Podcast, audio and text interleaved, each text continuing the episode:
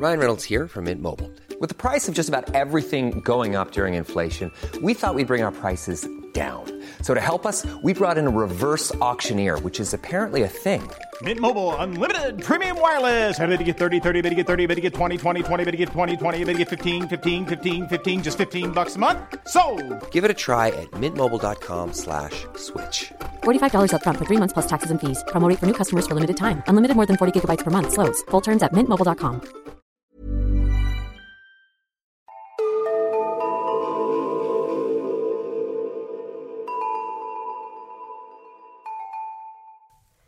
Hej och välkomna till det femtonde avsnittet av Nära ögat, en true crime-podd för mesar.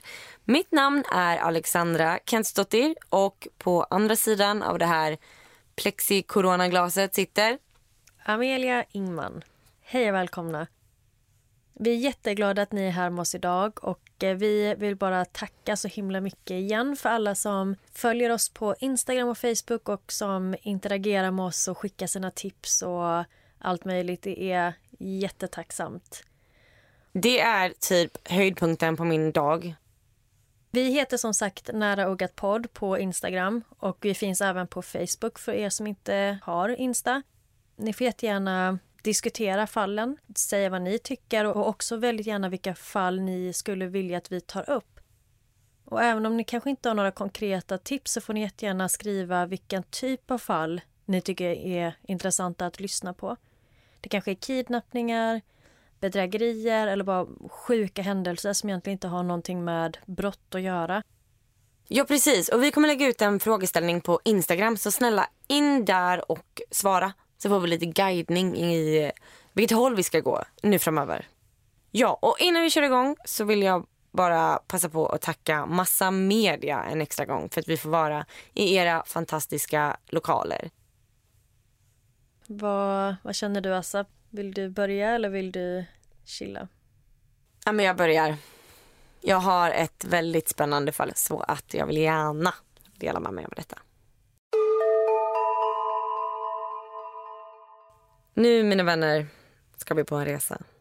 Jag ska berätta vad som hände Angela Diaz 2016. Men eh, känner du igen namnet? Nej, det kan jag inte påstå att jag gör. Men det här fallet är ganska spännande för jag hade faktiskt inte hört talas om det innan. Och jag kan inte hitta, jag hittade en enda podd som tog upp det. Sen har jag hittat ganska olika uppgifter från olika Youtube-kanaler men jag har valt att förlita mig mest på artiklar. Så mina källor i det här fallet är artiklar från Buzzfeed News, The Cut, LA Times, Daily Mail och även då podden Morbid och det är avsnitt 188 om Angela Diaz. Så i januari 2016 träffade då 31-åriga Angela, som under den här tiden hette Connell i efternamn, sitt livs kärlek Ian Diaz via en matchmaking-sida. Och redan en månad senare var de gifta. Och Ian var en lång, snygg soldat och Angela var superlycklig. Och allt gick väldigt fort med det här paret. Så redan i maj var Angela gravid med tvillingar. Och de var väldigt lyckliga fastän allt hade gått så fort. Och de längtade så mycket efter sina bebisar. Men så började något konstigt hända. Angela började få konstiga mejl. Och jag ska läsa upp de första mejlen hon fick. Eh, och det här är också mina egna översättningar. Eh, mejlen finns på engelska på diverse sajter 29 maj 2016. Jag hoppas att du är livrädd imorgon. Var redo. Sov inte. Vi kommer stjäla ditt barn och se när det dör. Du är värdelös och jag ber till Gud att det ska brinna i helvetet för vad du har gjort mot oss. Två dagar efter får hon det här mejlet. Du förtjänar ingenting förutom ett liv av ensamhet och tortyr. Jag vet hur jag ska skada dig. Du kan inte vara säker någonstans längre. Dagen efter det fick hon det här mejlet. Du kanske är vacker. Du kanske är den han gifte sig med. Men du är fortfarande en syndare och måste bli straffad. Jag ska med kraft se till att du blir påmind om din plats. Det är så obehagligt. Vad, vad tänker du än så länge? Ja, mina första tankar är kanske ett eh, svartsjukt ex. Mm. Mejlet 2 juni var... Jag vet att du lämnar ditt jobb nu. Jag tittar på dig medan du går hem. Låt oss leka en lek. Det här låter ju som en skräckfilm. Mm.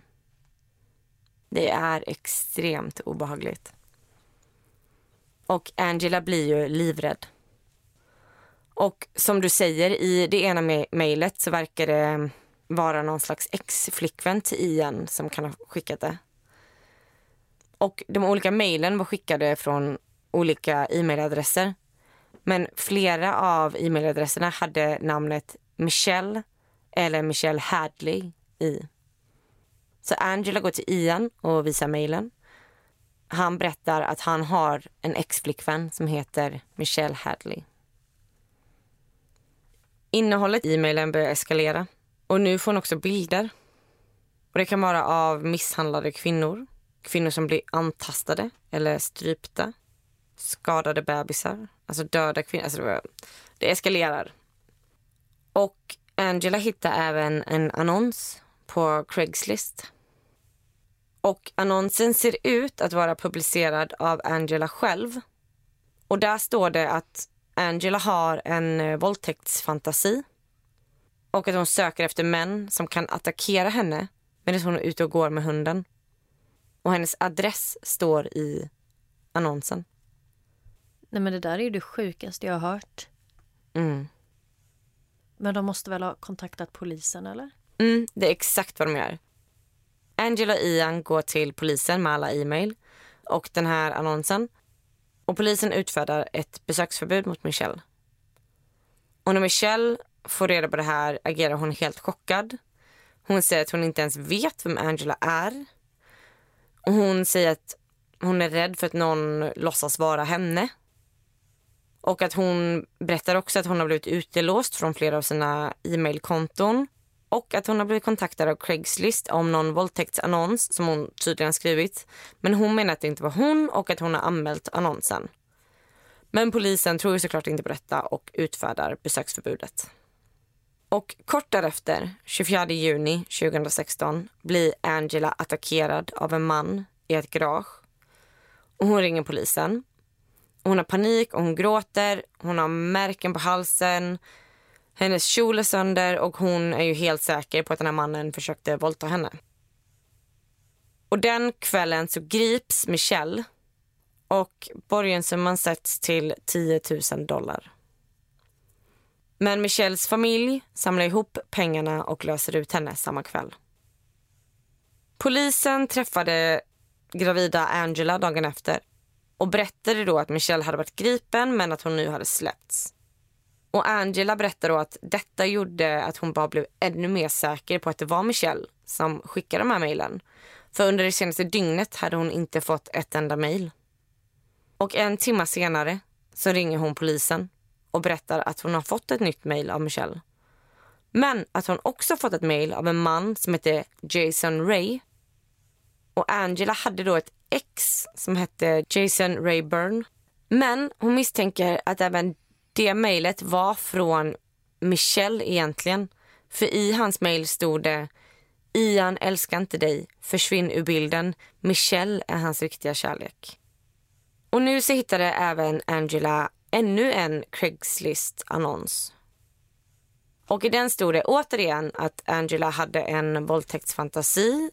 Att hon ville bli överfallen medan hon var ute och gick med hunden. Men den här gången så stod det också att det spelar ingen roll hur mycket hon kämpar emot.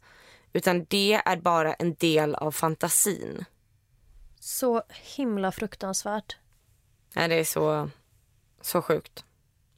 Och de här e-mailen fortsätter komma. Och förutom diverse hot och så vidare så fanns även eh, Michelles telefonnummer i vissa mejlen och krävde då att Angela skulle ringa henne. Och i andra e-mail stod eh, Michelles föräldrars telefonnummer och krävde att hon skulle ringa dem. 13 juli 2016 så ringde Angela polisen igen. Det var en man som smög runt huset. Och när polisen kom så var det en 17-årig kille som var där för att svara på annonsen. Och han var helt öppen med att han var där för att svara på den här annonsen. Så att han hade gjort dit för att typ våldta henne. Men han menade att han trodde att det var hennes vilja. Som tyvärr är hände ju inget då. Det här är så fruktansvärt obehagligt. 17 år. Men den 14 juli blev Michelle Hadley gripen igen. Den här gången för sex olika brott. Och om hon skulle anses vara skyldig till alla brotten så riskerade hon livstid i fängelse. Och Michelles borgenssumma var satt till en miljon dollar. Jag tycker det känns för lätt. Om Michelle skulle vilja göra detta mot Ian och Angela då hade hon använt en anonym mejladress. Mm, vi får se. Hennes borgenssumma sattes som sagt till en miljon dollar och hennes familj hade inte pengar att få ut henne och la istället alla deras pengar på en advokat. Och det här fallet blev ju väldigt omskrivet i media och alla visste direkt vad det handlade om. Så när hon blev häktad så fick hon direkt dödshot. Hon sattes i en cell där hon fick spendera 23 timmar om dygnet. Hon delade cell med en 85-årig tant som satt inne för kidnappning av barn. Och det första damen sa till Michelle var du måste sluta gå som kyrkomus. Du måste gå tuffare om du ska klara dig här inne. Så vem var egentligen Michelle Hadley? Det tänkte jag gå in på nu. Michelle var en relativt vanlig tjej. Hon var en löpare och hade vunnit ganska mycket löpartävlingar under high school. Hon gifte sig med sin high school sweetheart. Och de var gifta i ungefär fyra år innan de skilde sig. 2013 träffade hon Ian Diaz via en dejtingsida och det sa klick direkt. Ian sa att han älskade henne redan på andra dejten. Och hon tyckte att det här var uppfriskande. Hon tyckte att det var härligt att han var ärlig och engagerad. Och de var väldigt lyckliga. Och i december 2014 på en semester till New York så friade Ian vid Rockefeller Center. Och hon sa såklart ja. Och när de kom tillbaka till Kalifornien så bestämde de sig för att köpa lägenhet tillsammans. Och eh, Michelle betalade hela kontantinsatsen och de fick tillgång till den först i juni samma år. Så det var då de flyttade ihop. Och efter de flyttat ihop så dröjde det inte länge innan Michelle lade märke till förändringar i Ians beteende. Han ville att hon skulle byta jobb. Och det gjorde hon. Hon började på hans gamla jobb på Disney fast hon tjänade 20 000 dollar mindre om året där. Han ville att hon skulle klä sig sexigare. Att hon typ skulle börja ha crop tops. Han ville även att hon skulle fixa akrylnaglar och pierca naven. Och hon började också misstänka att eh, någon följde efter henne. För han kunde veta om hon inte hade åkt hem direkt. Även om inte han var hemma. Så då kan han liksom smsa bara varför har du inte kommit hem än?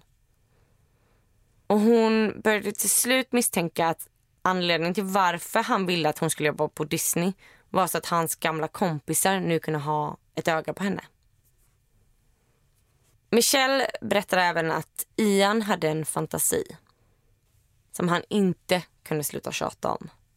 Och han tjatade och tjatade i månader i sträck.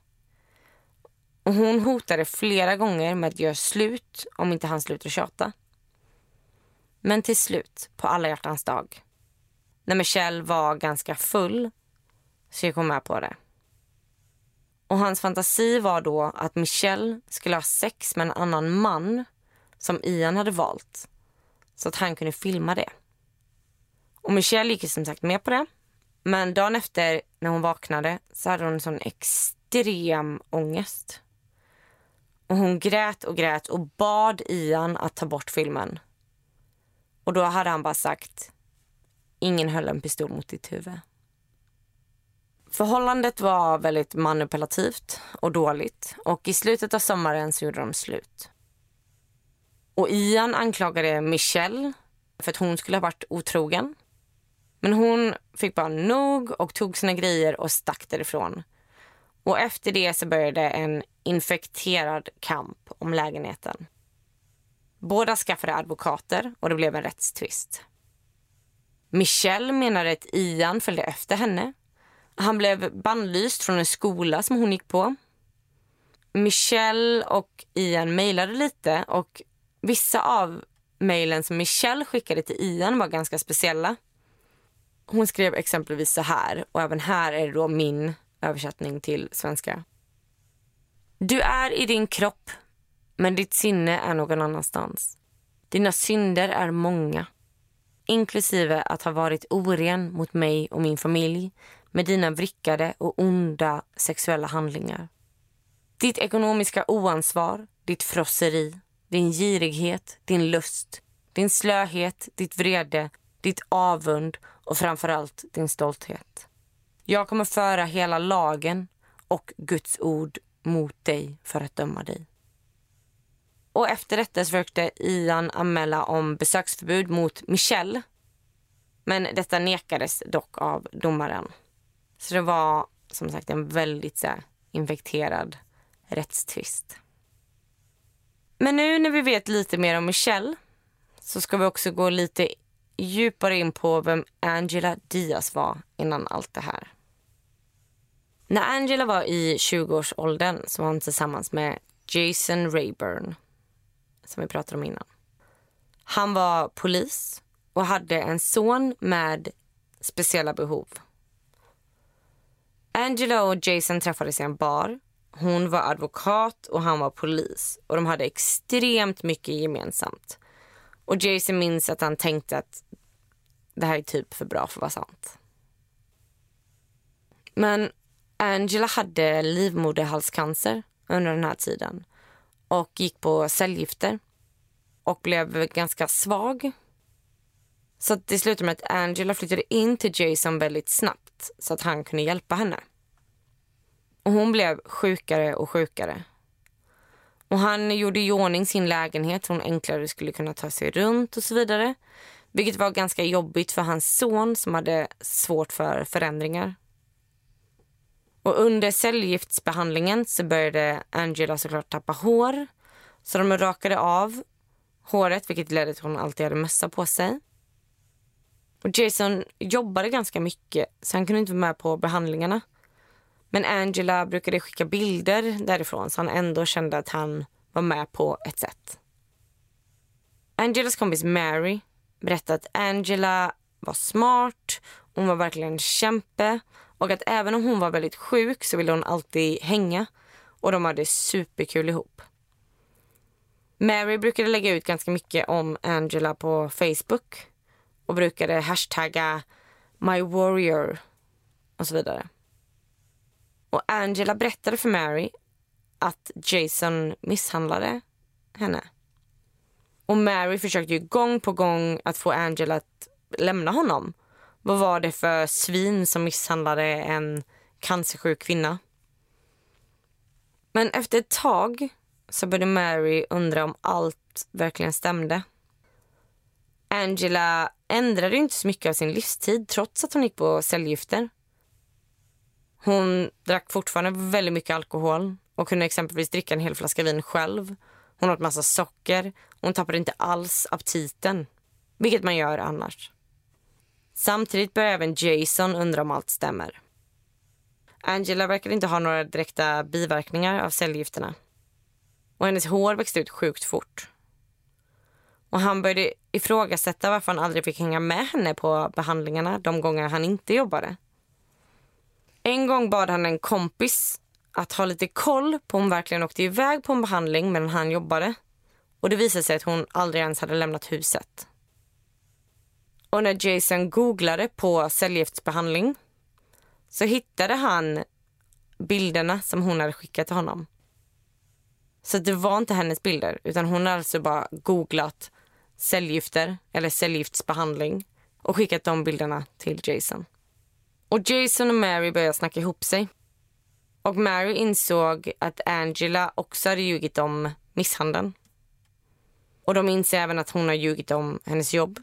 Angela var inte advokat. Och Jason och Mary ordnade en intervention där de ville prata vett med henne. Men Angela bara fortsatte ljuga och efter det så valde både Jason och Mary att bryta med henne. Jag har slängts fram och tillbaka mellan att tro att ja men såklart att det är klart att det är Michelle och bara nej, det är Ian som sätter dit henne till att nej, det måste vara Angela. Mm. Det här fallet är så förvirrande. Först tror man att det är Michelle, sen tror man att det är Ian, sen tror man att det är Angela och nu vet man inte riktigt vad man ska tro. Så tillbaka till 2016. Och Michelle har ju då gripits. Michelles föräldrar var säkra på att hon var oskyldig. Och hennes pappa köpte ett program för att bevisa att det inte var Michelles IP-adress som hade skickat mejlen. Och de hittade massa bevis. Bland annat typ att Michelle hade varit på sjukhus när några av mejlen skickades och att hon varit i skolan på lektion när något annat skickades. Men sen nu så hände den sjukaste twisten av dem alla. 30 september går Ian till polisen. Och han berättar då att han tror att Michelle blir ditsatt av Angela. Ian berättar att han har fått reda på att Angela har ljugit om graviditeten.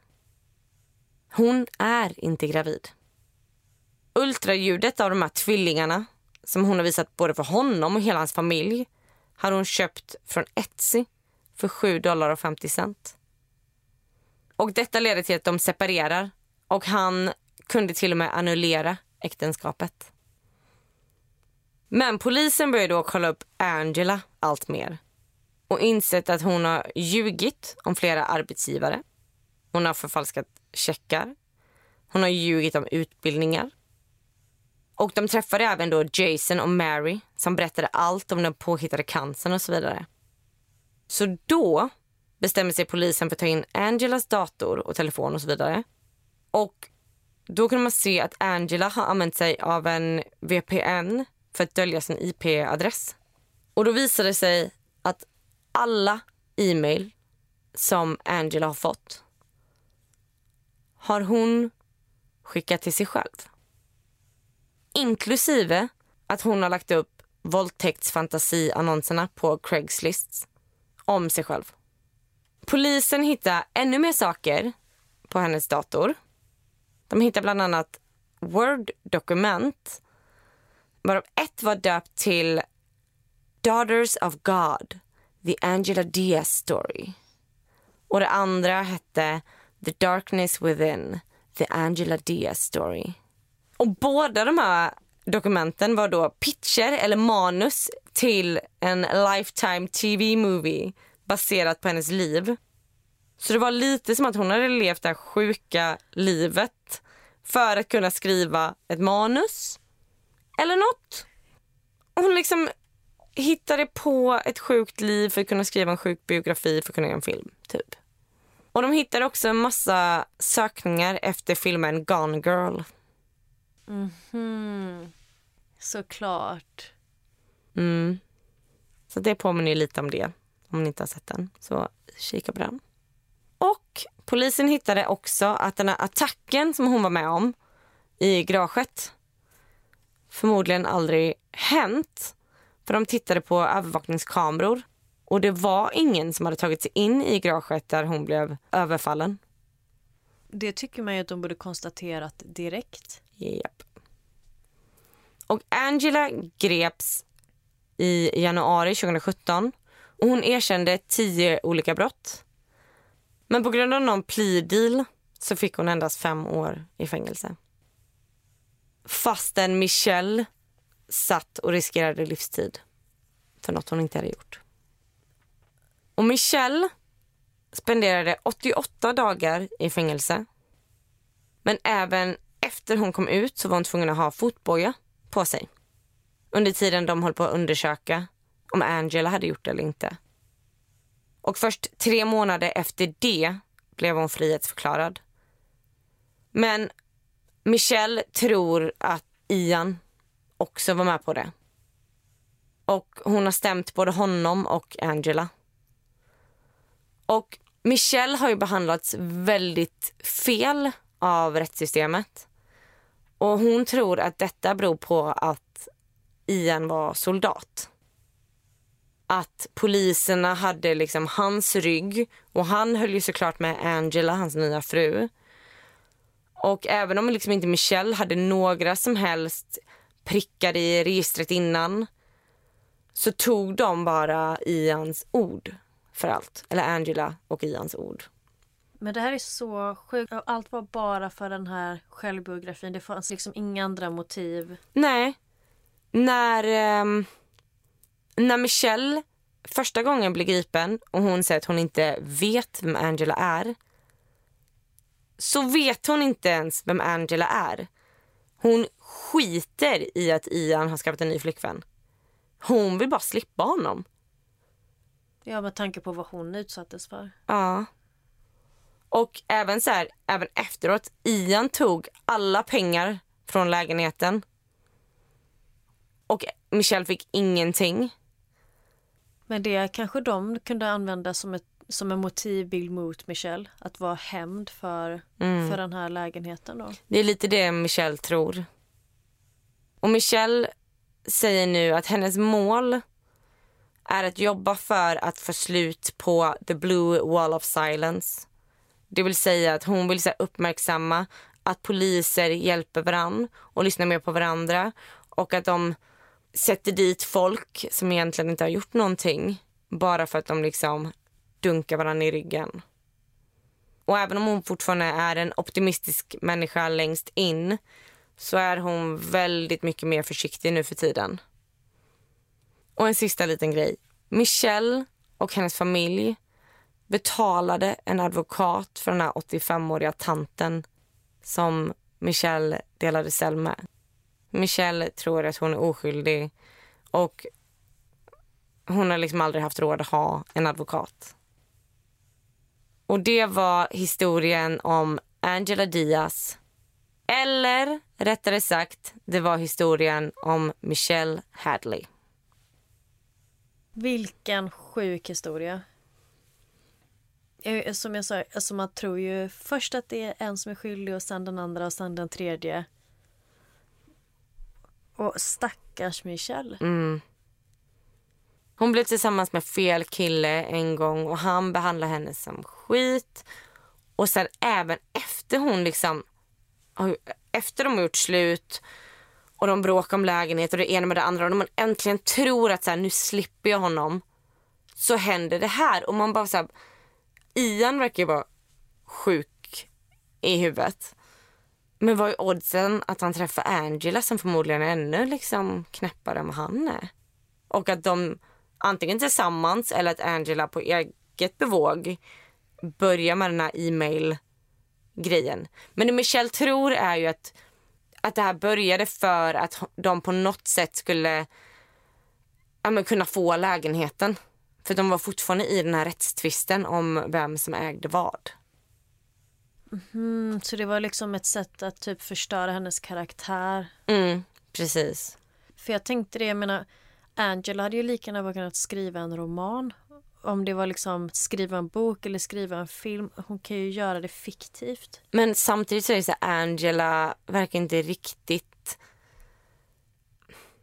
Angela verkar ju lite speciell. Hon har ju då låtsats ha haft cancer. Hon har ju ljugit om jobb. Hon verkar ha ljugit typ om allt hela sitt liv. Så det här är bara en, alltså en grej i mängden egentligen. Ja, och eh, hon fick fängelse 2017 eller så? Mm, fem år. Jag vet, jag vet faktiskt inte om hon är ute än. I den här ena artikeln som jag läste eh, som var typ en intervju med Michelle. Då var det ju så här, ja men hon, att eh, Angela kommer ju ut snart. Och nu undrar man bara vems liv ska hon förstöra nästa gång. Ja, vad hemskt att tänka så, men jag, ja, man förstår ju. Vi hoppas att hon har rehabiliterats i fängelset. Ja. Ja. Tack så jättemycket för en grym berättelse, Assa. Snyggt jobbat. Tack så mycket. Nu ser jag så mycket fram emot att höra din. Life is full of what ifs. Some awesome, like what if AI could fold your laundry? And some, well, less awesome, like what if you have unexpected medical costs?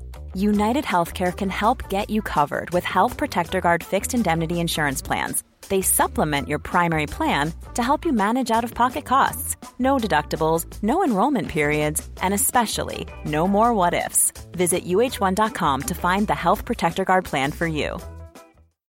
Millions of people have lost weight with personalized plans from Noom, like Evan, who can't stand salads and still lost 50 pounds. Salads, generally, for most people, are the easy button, right? For me, that wasn't an option. I never really was a salad guy. That's just not who I am. But Noom worked for me. Get your personalized plan today at Noom.com. Real Noom user compensated to provide their story. In four weeks, the typical Noom user can expect to lose one to two pounds per week. Individual results may vary.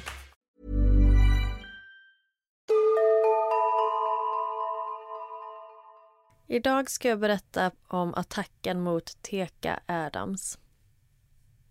Mina källor är ett avsnitt från I survived, en artikel i NBC Washington, Daily Mail och Wikipedia.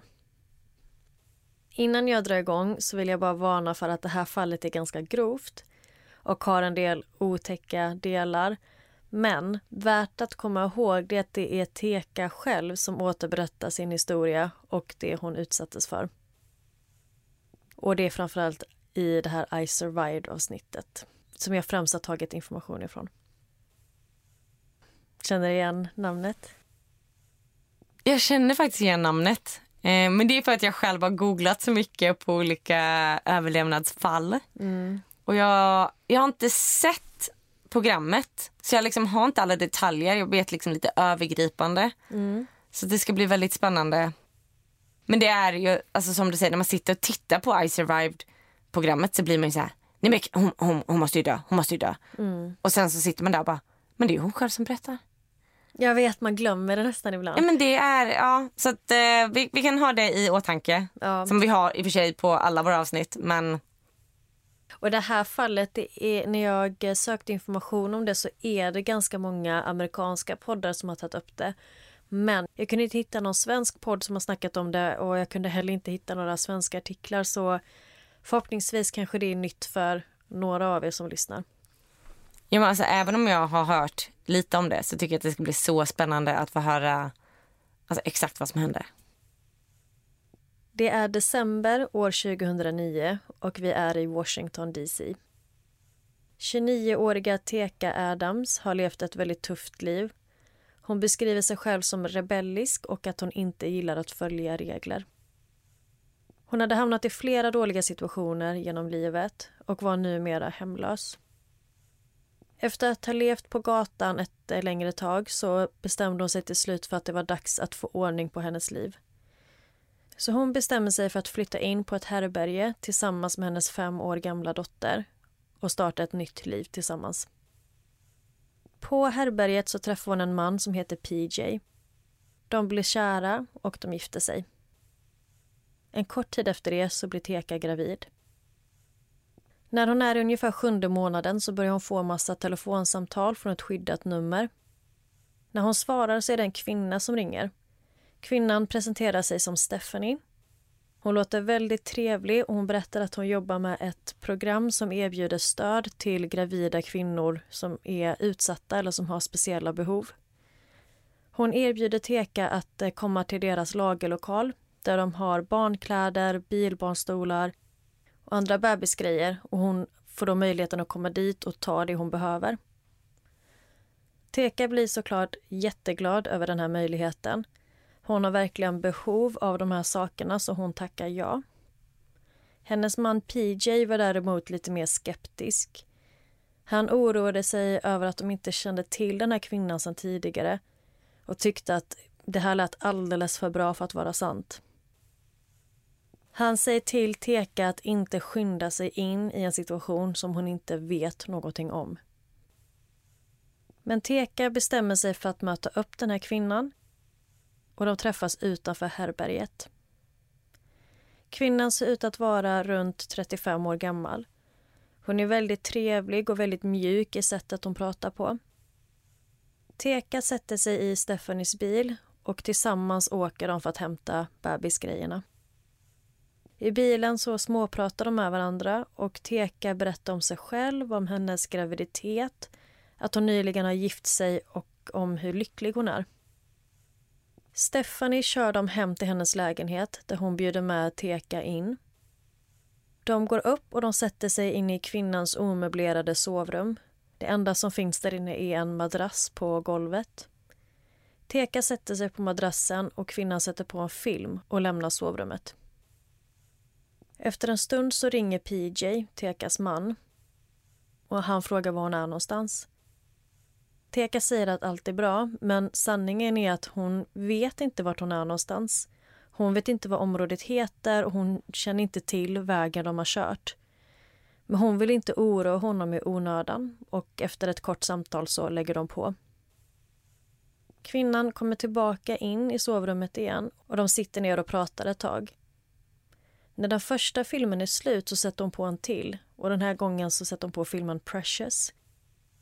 De sitter tillsammans och tittar på den och sen helt plötsligt, utan förvarning, så tar Stephanie en stor tung filt och slänger den över Teka och börjar slå henne i huvudet. Efter att ha slagit cirka tio gånger så lyckas Teka ta sig upp. Hon ställer sig med händerna framför hennes ansikte men allt hon ser är bara blod. Men alltså det här är så hemskt. Alltså tänk att vara gravid, vara hos en kvinna du inte känner. Men ändå så här, man är hos en kvinna som man inte kanske ja, men så verkar härlig och mysig och man tror att man kanske kan känna förtroende för henne. Och sen blir man attackerad. Ja, plus att hon hade ju lockat Teka med de här bebisgrejerna och det var ju liksom som sagt Teka var hemlös och, nej men, och såg en möjlighet att, att få hjälp. Mm. Men när hon kom in i lägen eller när hon fick samtal från hennes man PJ så kände hon väl på sig att, det, att hon inte hade tagit rätt beslut men Mm. då var hon redan inne i lägenheten. Men tillbaka till den här attacken. Stephanie har slagit henne med ett metallobjekt. Det enda Teka kan tänka på är att hon måste ta sig därifrån. Hon springer ut från sovrummet mot ytterdörren. Men när hon kommer fram i hallen så ser hon att dörren är stängd med tre lås. Det är ett hänglås, ett kedjelås och ett vanligt lås så hon hinner inte få upp dem innan kvinnan kommer ikapp henne. Kvinnan, eller Stephanie då, hoppar på Tekas rygg bakifrån och de båda två hamnar på golvet i en brottningsmatch. Stephanie är ganska stor, nästan dubbelt så stor som Teka och Teka är som sagt sju och en halv månader gravid. Det är blod överallt. Teka kan knappt se något för det bara rinner ner i ögonen på henne och hon har extremt ont i huvudet. Stephanie försöker hålla för hennes mun och försöker strypa henne. Teka kämpar emot allt vad hon kan och försöker slå bort den här kvinnan. Men Stephanie tar tag i en eldgaffel, en lång tung metallpinne och vevar den mot Teka om och om igen och slår henne i huvudet uppemot 40 gånger. Va? Och Teka svimmar av. Några minuter senare så vaknar hon av att kvinnan drar i hennes vader. Hon släpar Teka genom hallen ner mot hennes kök och drar in henne på köksgolvet.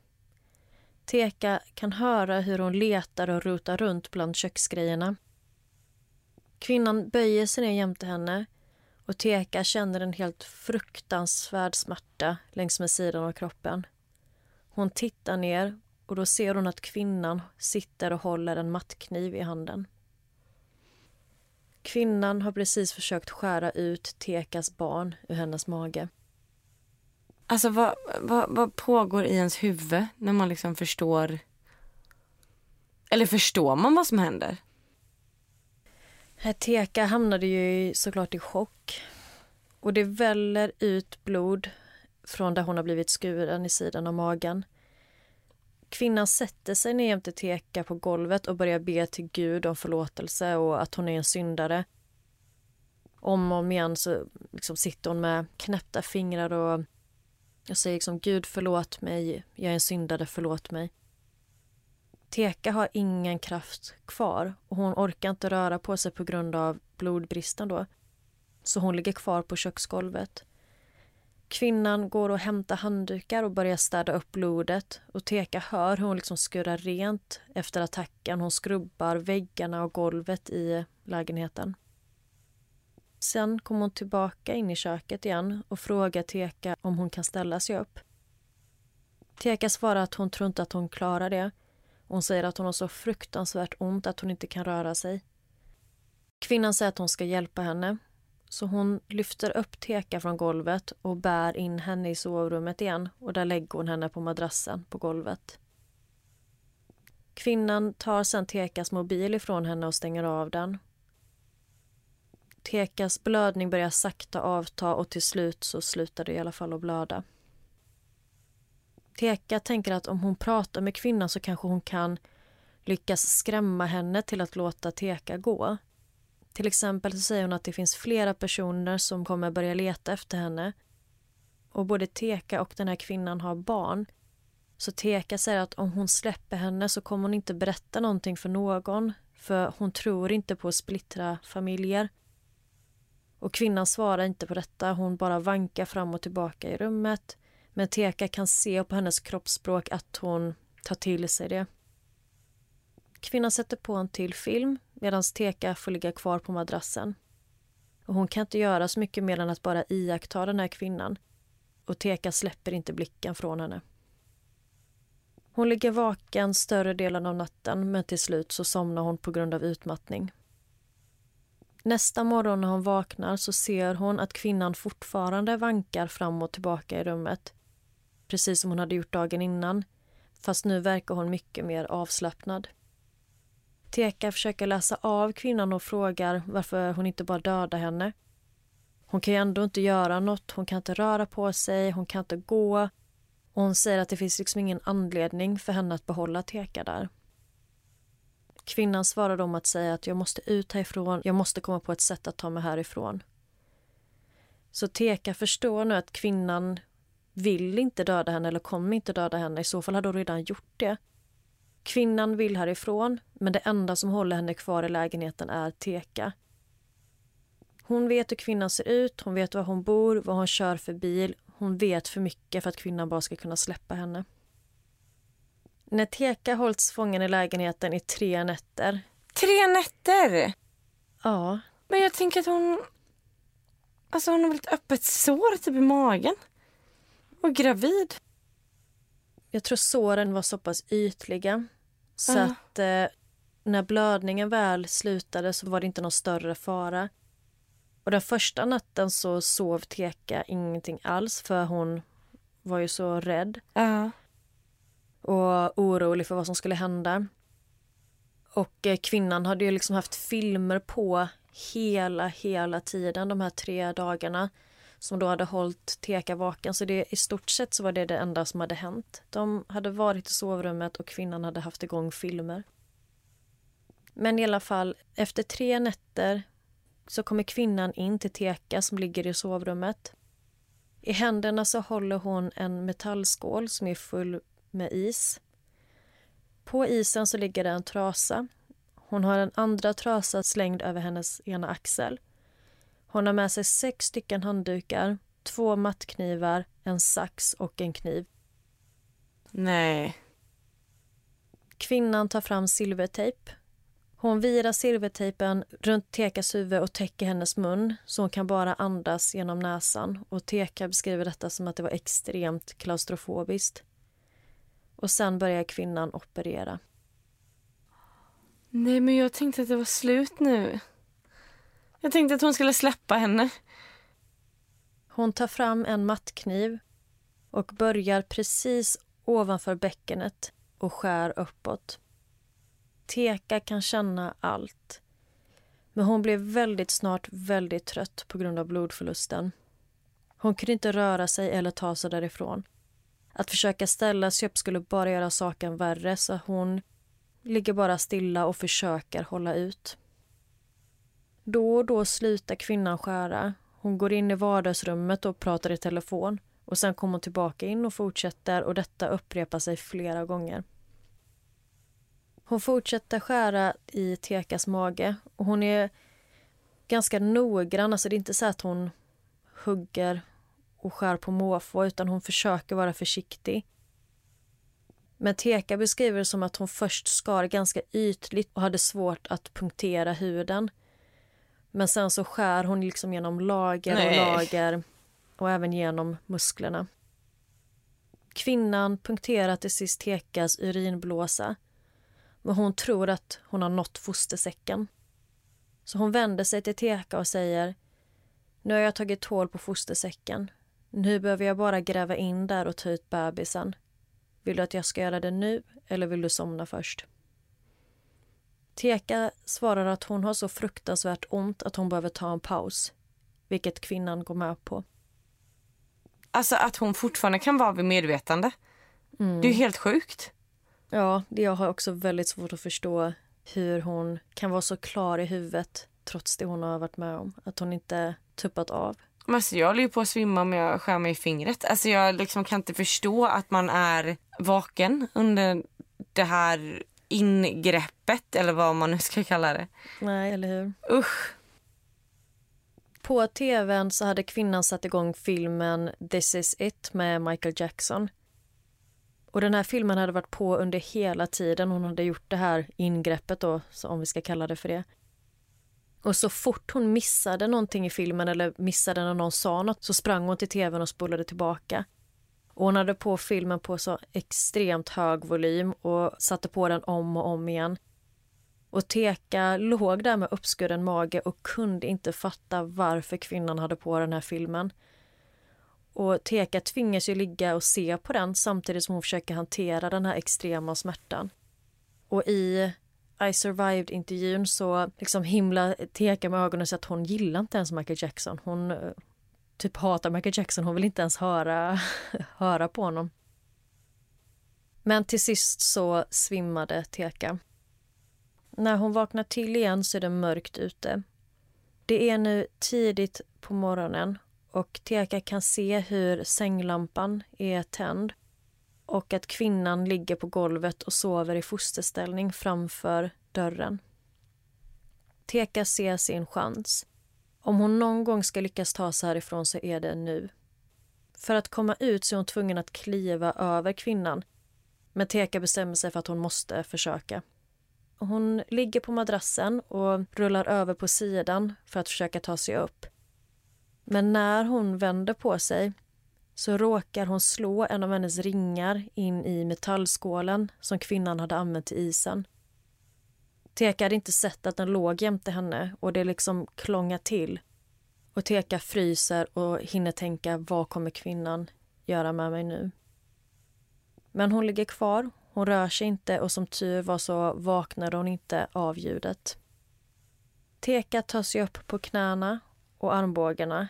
Hon knäpper händerna och så ber hon till Gud om att ge henne styrka. Hon är övertygad om att hon kommer kunna ta sig härifrån om hon bara klarar av att ställa sig upp. Och helt otroligt nog så lyckas Teka samla tillräckligt med kraft för att eh, komma upp på benen. Hon går mot dörren men när hon kliver över kvinnan för att ta sig ut ur sovrummet så droppar det blod från Tekas mage ner på kvinnan som sover. Blodet landar på filten och Teka fryser till is. Hon står med en fot inne i sovrummet och med den andra foten ovanför kvinnan. Hon är chockad av rädsla och står helt still i hopp om att kvinnan inte ska vakna. Men ingenting händer. Kvinnan sover vidare och Teka fortsätter kliva över henne och ta sig fram genom lägenheten ut mot ytterdörren. Och varning nu, för nu blir det ganska obehagligt. Alltså kan det bli obehagligare? Om det är äckelmagad, spola fram. När Teka kommer fram till hallen och staplar mot ytterdörren så faller hela Tekas maginnehåll ut. Hennes inälvor, tarmar, allt. Teka plockar upp detta Nej men. Alltså gud. och hon håller nu sitt maginnehåll i ena armen samtidigt som hon stödjer sig med den andra mot väggen och fortsätter ta sig mot dörren. Hon försöker hålla sig så lugn som det bara går och inte hyperventilera för att väcka kvinnan. Hon andas långsamt, men varje steg är extremt smärtsamt. Hon kommer fram till dörren och börjar låsa upp alla låsen långsamt och försiktigt. Hon öppnar dörren och den gnisslar när hon drar den öppen, men hon lyckas ta sig ut. I korridoren så börjar hon skrika efter hjälp och hon knackar på dörr efter dörr efter dörr men ingen öppnar. Men vänta, var korridoren? Ja, kvinnan bor i ett lägenhetskomplex. Och förmodligen är det därför hon haft filmer på i så hög volym. Jaha. För det är flera grannar, det är ett eh, flervåningskomplex. Men ingen öppnar när Teka knackar på. Så hon fortsätter ta sig mot trappan för att ta sig ut. Men när hon kommer fram till trappan så kollapsar hon. Kvinnan har ju vaknat av allt skrik och tumult ute i trapphuset. Och hon kommer ut från lägenheten och ser Teka ligga vid trappan. Hon kommer fram till henne och ställer sig bakom Teka tar hennes armar under Tekas för att lyfta upp henne. Men när kvinnan gör detta så börjar Teka skrikas och slåss och hon försöker även bita kvinnan i fingrarna för hon försöker hålla för munnen på henne. Men i den här tumulten så kommer en kille nerspringandes från tredje våningen och frågar vad det är som händer. Kvinnan försöker då överrösta Teka och säger till mannen att hon är bara förvirrad, hon är galen och jag försöker hjälpa henne. Mannen tittar på Teka som säger snälla hjälp mig, hon försöker döda mig. Men man ser inte allt blod för Teka har en mörkblå tröja på sig. Så det döljer i princip all skada. Men hon lyfter upp tröjan och när mannen ser hennes mage så blir han helt chockad. Och han skriker “Jag ringer polisen” innan han springer upp tillbaka mot sin lägenhet för att ringa. Kvinnan tittar nu på Teka och ger henne en blick som säger “Jag skulle ha dödat dig” och sen springer hon därifrån. Teka faller ihop och ligger kvar ensam på golvet. Hon visste inte vad hon skulle göra men hon var bara glad att fortfarande vara vid liv. Hon ligger där tills räddningspersonal kommer till platsen. Hon minns att hon såg flera brandmän och ambulanspersonal. En av dem kommer fram till Teka och böjer sig ner jämte henne och frågar om hon är skadad. Man ser ju varken blodet eller såren då för hennes tröja. Så situationen ser inte alls lika allvarlig ut som den faktiskt är. Men Teka svarar ja på hans fråga. Och han undrar var. Hon svarar att hon har blivit skuren i magen, biten och slagen i huvudet. Och han trodde knappt att det var sant tills hon lyfta upp tröjan och han inser hur allvarligt skadad Teka är. Och hon beskriver det som att det såg ut som att han skulle spy när han såg hennes mage. Teka körs akut till sjukhus och tas direkt in för omedelbar operation. När Teka vaknar upp efter operationen så är det första hon ser hennes man PJ som sitter och vakar över henne. Hon frågar såklart direkt hur det är med hennes bebis en sköterska kommer in i rummet och Teka frågar om hennes bebis fortfarande lever. Och Sköterskan berättar att hon har blivit mamma till en liten flicka. Och Teka var som sagt bara i sjunde månaden när hennes dotter var frisk, mådde bra och vägde 3,6 kilo. Nej, vad fint. Ja, och bebisen hade legat ihopkurad väldigt högt upp i magen och det var därför kvinnan hade så svårt att få ut henne eller komma åt henne. Bebisen var rädd. Ja. Så de vet inte om hon kurade ihop sig som en reaktion av den här situationen. Förmodligen. Eller om hon låg så från första början. Teka döper sin dotter till Miracle. På golvet i Tekas sjukhusrum så var det fullt med påsar fyllda med saker till bebisen. Det var kläder, leksaker, bilbarnstol. Och det här var grejer som räddningspersonal från ambulans och brandkår hade skänkt till henne. Vad fint. Ja, så det var ju liksom det här som hon hade åkt ja. för. I och med att kvinnan punkterat Tekas blåsa så var hon tvungen att bära kateter och hon hade även väldigt svårt att röra sig på grund av att så många magmuskler blivit förstörda. Så hon fick i princip lära sig att gå igen. Men Teka var extremt beslutsam på att bli bättre så det dröjde inte länge innan hon kunde gå igen och Teka läkte väldigt snabbt och bra efter operationen. Kvinnan som lurat med sig Teka hem till henne och som kallat sig själv för Stephanie är egentligen 40 år gamla Veronica de Ramos.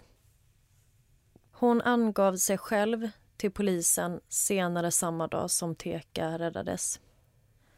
Under rättegången sa Veronica till domaren att Teka hade gått med på att sälja hennes bebis till henne för 5 000 dollar och att de hade kommit överens om att hon skulle få utföra ett kejsarsnitt på Teka. Hon säger även att hon hade gett pengarna till Teka innan den här händelsen. Men dagen hon plockade upp henne utanför herberget så hade Teka redan spenderat alla pengar och att hon då inte längre ville ge henne något för det. Men Teka befinner sig i rättssalen den här dagen och när hon får höra det här så försöker hon attackera Veronica. Hon slänger sig emot henne men innan hon hinner fram och hinner slå henne så stoppas Teka av att hennes pappa slänger sig på hennes rygg, håller ner henne i golvet och stoppar henne. Och efter det så fick Teka föras ut från rättssalen av vakter. Och när Teka berättar detta i intervjun så skrattar hon till och säger att jag har spelat fotboll. Så hon, eh, i sättet hon berättar, hon har ett väldigt eh, avslappnat sätt att förhålla sig till hela den här historien och mm. verkar ha väldigt lätt till skratt även om det är extremt, det hon har varit med om. Mm. mm. Men Veronica erkänner sig skyldig till överfallet och döms till 25 års fängelse. Och hon har rätt att ansöka om villkorlig frigivning efter först 12 år. Teka tycker att det här straffet är orimligt lågt och menar att den dagen som Veronica infinner sig i rätten för att ansöka om frigivning så kommer Teka vara där Oavsett vad, om det är efter 12 år, efter 20 år, efter 25 år så kommer hon göra allt i sin makt för att Veronica inte ska släppas. Och tyvärr så kunde de inte bevisa mordförsök i rätten utan hon dömdes endast för first degree assault. De kunde inte bevisa mordförsök? Nej. Men hon skar upp hela hennes mage för att ta hennes bebis? Ja. Okej. Okay. Efter allt detta så flyttade Teka tillsammans med hennes man och barn till en lägenhet i Washington DC. Hon är inte längre hemlös och behöver inte bo på några härbergen mer. Teka menar att hon lyckades ta sig vidare från det här genom att lära sig att älska sig själv, respektera sig själv och värdesätta livet. Och hon har också överlevt tack vare Guds hjälp och det stöd hon har fått av vänner och familj. Och hon säger att hon har väldigt många människor i hennes liv som älskar henne. Och hon vet att Gud älskar henne. Och hon avslutar den här intervjun i I survived med ett leende på läpparna. Och nu översätter jag till svenska, men hon säger att ni vet vad de säger. Gud vakar över barn och dårar. Och när det här hände så bar jag på ett barn och jag var en dåre. Och det var berättelsen om Teka Adams. Ja, vilken sjuk story. Ja. Det är vissa detaljer som jag har hittat i vissa av de här källorna som jag nämnde i början, men inte i alla. Så jag vet inte om eh, det här stämmer, men vissa menar på att, och det här är också en ganska otäck detalj, men att den här kvinnan Veronica då hade sin 17-åriga son hemma när detta hände och att hon tvingade honom hjälpa till att hålla fast Teka och binda henne inför operationen då, eller inför attacken. Så det är extremt sorgligt det här fallet. Men vet man varför hon ville ta barnet? Ja, vissa menar på att hon hade ljugit, eller att den här kvinnan Veronica då hade ljugit för hennes familj och pojkvän om att hon var gravid. Men att det här antingen då var påhittat eller att hon sen kanske har fått ett missfall då. Men att det skulle eventuellt vara anledningen till att hon kände att hon behövde stjäla ett barn. Obehagligt att vi båda hade personer som har ljugit om en graviditet. Ja, verkligen. Och sen tekar man ju snacket om det att i efterhand så är det ju lätt att säga att det inte var en bra idé att följa med. Men när de åkte i bilen och samtalet var så lättsamt så kände hon inte riktigt att det var ett beslut som hon ens tog att följa med upp. Att det blev liksom så naturligt. De var så inne i samtalet. Kvinnan var så trevlig. Så det var liksom först när hon satt inne i sovrummet som hon tänkte att vad gör jag här? Mm. Jag känner inte den här kvinnan, jag vet inte vad jag är. Det kanske inte är en bra idé. Men också lite som... Alltså man känner ju sig ofta tryggare när det är en annan kvinna. Ja, verkligen. Och speciellt om det är en ung kvinna som är trevlig, som ska ge dig grejer till ditt barn, du är hemlös, du är i en beroende position. Mm. Man, ja, Nej, men det är ju hemskt att man ska behöva gå runt och tro det värsta om folk. Ja, plus att Teka menar ju liksom att hon kände ju bara sån extrem tacksamhet av att få det här stödet. Och det är kanske inte helt ovanligt med organisationer som når ut till härbärgen och söker upp folk som är i behov av hjälp. Den här kvinnan, Teka och, och Stephanie som hon kallade sig då, de kunde ju bonda över faktumet att båda hade barn och det var mamma till mamma och eh, hon misstänkte ju inte att det här skulle kunna ske ens. Men alltså den här Veronica. Hur går man från men antingen en lögn om att man är gra gravid eller liksom att man ljuger om att man inte fått missfall till att så här, där är en kvinna som är gravid. Hon är hemlös. Ingen kanske kommer sakna henne. Henne ska jag plocka ut barnet ifrån. Och som Teka säger med, det verkade inte som att kvinnan ville döda henne. Nej. Och det var kanske också därför de inte kunde fastslå det i rätten. Utan det var, hon var intresserad av att ha barnet. Och det var därför Teka var där. Men om man tänker också, vad hade Veronica gjort om hon hade lyckats få ut bebisen? Hade hon lämnat henne där? Hon kunde inte släppa ut Teka på gatan utan ett barn. Och Teka var i hennes lägenhet. Vad- Jag förstår inte heller. Nej, det finns liksom ingen ordentlig förklaring bland de här källorna som jag har hittat då.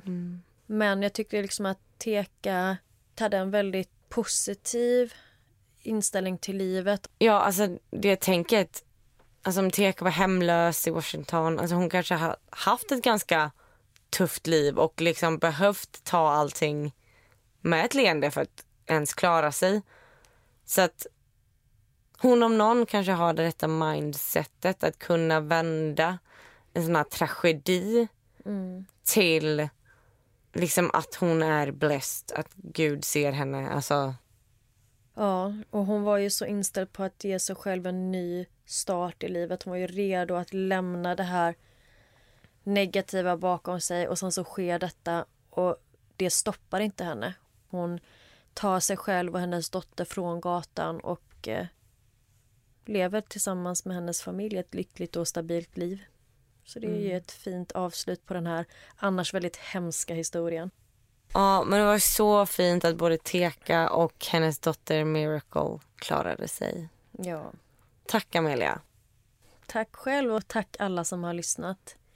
Vi kommer som sagt kolla igenom vad ni tycker vi ska prata mer om i podden. Exakt, vi kör en sån här fråge, frågestund på Insta-story. Så skriv gärna där, vi hade uppskattat det. Tyck till. Ja. Det var allt va? Det var allt. Vi hörs igen nästa vecka. Puss hej! Puss hej!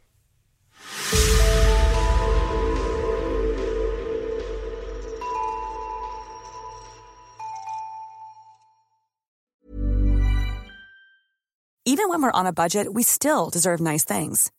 Quince is a place to scoop up stunning high-end goods for 50 to 80% less than similar brands.